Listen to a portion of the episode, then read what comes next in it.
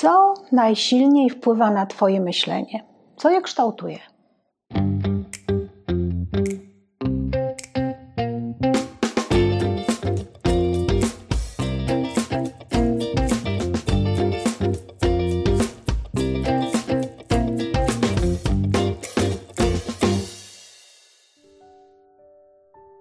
To siódme spotkanie z pierwszą bohaterką Biblii, z Ewą, która ciągle jeszcze nie ma tego imienia. Nazywamy ją ciągle jeszcze po prostu albo aż kobietą. Wiemy, że w pięknym rajskim ogrodzie spotkała węża, który zadał jej pytanie. Delikatnie, niby niepozorne, a jednak podstępne. Czy rzeczywiście? I teraz ona na to pytanie odpowiada.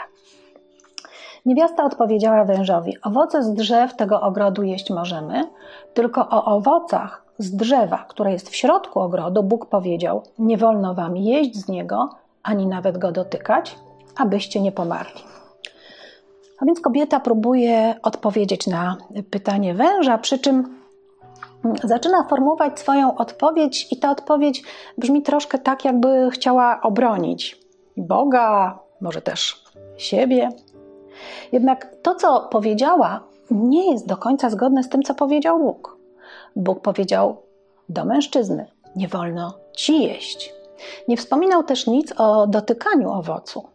Natomiast Boże słowa o konsekwencji, o śmierci były bardzo ostre, bardzo radykalne. Niechybnie umrzesz, na pewno umrzesz. Tutaj widzimy z jednej strony takie wyostrzenie Bożych słów, rozszerzenie właśnie na, na kobietę, na dotykanie owocu. Natomiast te słowa o śmierci zostają tak troszeczkę spłaszczone, troszeczkę wydelikacone. Niechybnie, abyście nie, nie pomarli. A było powiedziane, niechybnie umrzecie, na pewno. To jest miejsce, ta zmiana słów Bożych jest, miejsce, jest miejscem, w którym otwiera się furtka dla potężnego niebezpieczeństwa. Niebezpieczeństwa manipulacji. I z tej furtki Boży przeciwnik bardzo chętnie skorzystał. Dlaczego kobieta zmieniła te słowa? Tak naprawdę nie wiemy. Możemy się tylko domyślać, możemy snuć przypuszczenia. Y, one były kierowane do mężczyzny. Czy to mężczyzna, przekazując je kobiecie, mm, rozszerzył dany mu zakaz także na nią?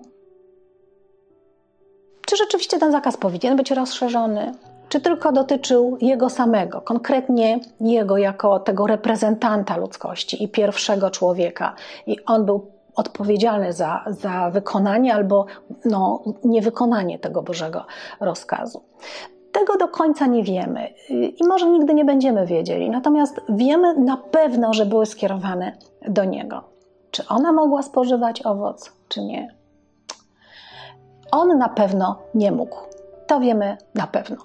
No właśnie, Bóg też nie wspominał nic o tym dotykaniu. Dlaczego to zostało rozszerzone? Czy to mężczyzna rozszerzył y, w celach takiej większej troszkę protekcji? Y, czy sama kobieta rozszerzyła ten zakaz? Y, nie mamy pojęcia, co się tutaj wydarzyło.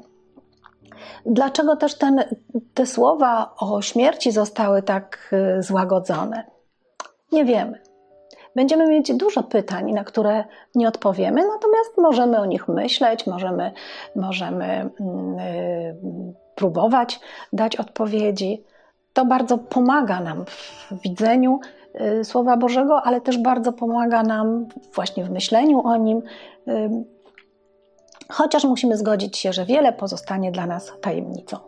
Tak czy inaczej, Słowo Boże zostało zmienione. Zmienione Słowo Boże to jest takie słowo, do którego coś dodajemy, od którego coś zabieramy, odejmujemy, które rozszerzamy lub które zawężamy, y, albo które przekręcamy. Wtedy to już nie jest Słowo Boże, to już jest nasze słowo, ludzkie. A to Boży przeciwnik wykorzystuje. Tego słowa ludzkiego Boży przeciwnik się nie boi, wykorzystuje je do dalszej dyskusji, do kolejnych zmian i do zwiedzenia.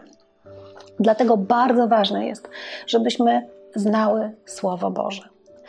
Więc poznawajmy je, poznawajmy je osobiście. Nie czekajmy, aż ktoś je dla nas przeczyta.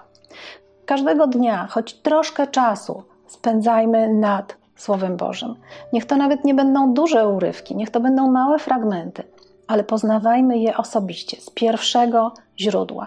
Nie czekajmy na duszpasterzy, nie czekajmy na liderów grup, nie czekajmy na przyjaciół, którzy znają Słowo Boże i rozkoszują się nim, ale czytajmy je same, bezpośrednio. I niech nie będzie ani jednego dnia, w którym nie przeczytamy choć malutkiego fragmentu Pisma Świętego.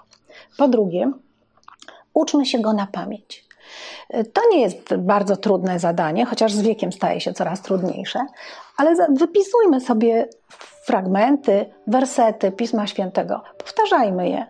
Powtarzajmy je do, do, dotąd, aż zostaną w naszej pamięci. Możemy to robić z całą rodziną. Na naszych stolikach może stać pudełeczko, koszyczek, w którym będziemy zapisywać wersety, których razem jako rodzina uczymy się na pamięć. Możemy je powtarzać przy posiłkach, które razem jemy. Tak, żeby to słowo zostało w naszym umyśle, w takiej formie, w jakiej zostało nam, nam podane. Nie wiem, ile jest w tym prawdy, ale pewnie jakaś jest. Otóż być może wiecie, bo, bo to jest przykład, który jest niejednokrotnie podawany, ale to jest taki bardzo znamienny przykład. Otóż podobno kasjerów kiedyś kształcono w taki sposób, że mm, do, do rozpoznawania fałszywych banknotów i, i, i monet, że nie dawano im fałszywek, ale właśnie prawdziwe monety i banknoty szczególnie banknoty. Oni mieli te banknoty oglądać ze wszystkich stron, gnieść, y, patrzeć, oglądać pod światło, y, wsłuchiwać się w ich szelest, dotykać. Obcować z nimi tak bardzo, że w momencie, kiedy dostaną do ręki fałszywy banknot, natychmiast rozpoznają. Fałszerze znają mnóstwo sposobów i wymyślają coraz nowe na sposoby na fałszowanie pieniędzy. Nie potrzebujemy śledzić sposobów fałszowania. Potrzebujemy znać prawdę. I wtedy, kiedy mm, dostaniemy fałszywkę, rozpoznamy ją natychmiast. I tak jest ze Słowem Bożym. Jeśli prawdziwe Słowo Boże zamieszkuje w naszych sercach i umysłach, gdy usłyszymy przesłanie fałszywe, wówczas natychmiast zareagujemy. Po trzecie, nie zmieniajmy Słowa Bożego. Nie wyjmujmy fragmentów y, z kontekstu, tylko zawsze czytajmy je w kontekście i zastanawiajmy się, do kogo jest to mówione. Czy ja jestem w tej grupie, do której jest to mówione? Czy mogę się zidentyfikować z osobą, do której mówione jest dane przesłanie, polecenie, nakaz, zakaz czy przestroga?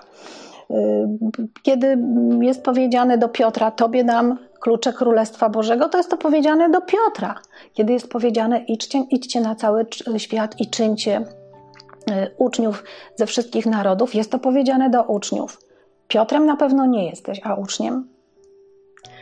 Jeśli tak, to jest to, y, to jest to do ciebie. Też możemy zastanawiać się, czy dana sytuacja to jest, to jest tak zwana sytuacja deskryptywna czy normatywna? Czy to jest tylko opis jakiejś sytuacji, z której możemy wyciągnąć wnioski i z której możemy się czegoś nauczyć? Czy też jest to pewna norma ustanawiana dla nas. Więc zastanawiajmy się nad tym i nie zmieniajmy słowa i znaczeń Słowa Bożego. I ostatnie, ufajmy Bożemu Słowu. Mniej ryzykujemy ufając Bożemu Słowu, nawet jeśli wydaje się dziwne, nieprawdopodobne, y, jakieś zupełnie odlotowe. Mniej ryzykujemy ufając Mu, niż odrzucając je. Najwyżej przylgnie do nas y, na tak określenie, mm, że jesteś ciemnogrodzianinem czy, czy osobą naiwną, to naprawdę mniej boli niż konsekwencje błądzenia po manowcach ludzkich pomysłów i ludzkich idei na życie. I Słowo Boże broni się. Co ciekawe, broni się na przestrzeni dziejów, broni się w nauce, broni się w historii, broni się w archeologii. Ale właściwie czy ona powinna się bronić? Czy to raczej nie nauka, archeologia powinna się bronić? Mniej ryzykujemy, ufając Słowu Bożemu. A więc nie poddawajmy go wątpliwości. A refleksja? Niech Słowo Boże przenika i kształtuje Twoje myślenie. pytania? Kiedy ostatnio sama czytałaś Pismo Święte? Co cię do tego motywuje, a co zniechęca? Drugie. Jak traktowane jest Pismo Święte w tym środowisku, w którym ty się obracasz najczęściej? I czy to jest dla ciebie zachętą, czy zniechętą? Co możesz zrobić, żeby wzrósł realny wpływ Słowa Bożego na Twoje życie? I co konkretnie zrobisz? Do zobaczenia. Seria Kobiety Biblii jest realizowana przez Fundację NRH. Polubcie nas na Facebooku, zasubskrybujcie nasz kanał na YouTube i zapiszcie się na nasz newsletter, żeby dostawać informacje o nowościach, móc ściągać nasze filmiki i uzyskać dostęp do różnych dodatkowych opcji. Zapraszam Was serdecznie, Magda Grabowska.